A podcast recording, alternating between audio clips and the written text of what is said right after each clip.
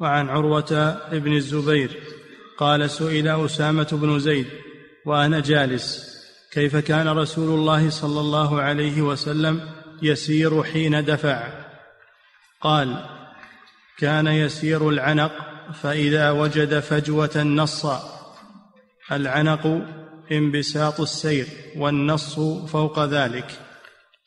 نعم سألوا أسامة بن زيد بن حارثة رضي الله عنهما حب رسول الله صلى الله عليه وسلم وابن حبه لأنه كان رديفا للنبي صلى الله عليه وسلم على الراحلة لما دفع من عرفة.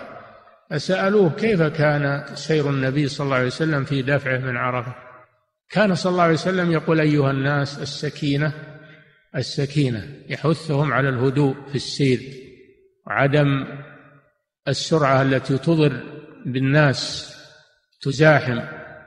وسيره صلى الله عليه وسلم كان العنق يعني السير المنبسط السريع الذي ليس فيه شدة. العنق يعني السير السريع الذي ليس فيه شدة. فإذا وجد فجوة يعني وجد متسعا في الطريق ليس فيه أحد نص يعني زاد في السير. لماذا؟ من أجل أن يدرك الصلاة في في مزدلفة لأنهم يؤخرون الصلاة إلى أن يصلوا إلى مزدلفة. فكان صلى الله عليه وسلم يحرص على السرعة إذا أمكنت من أجل الصلاة. من أجل الصلاة. نعم. فهذا فيه دليل على على صفة السير ما بين ما بين عرفة ومزدلفة. أنه مع الزحمة يرفق.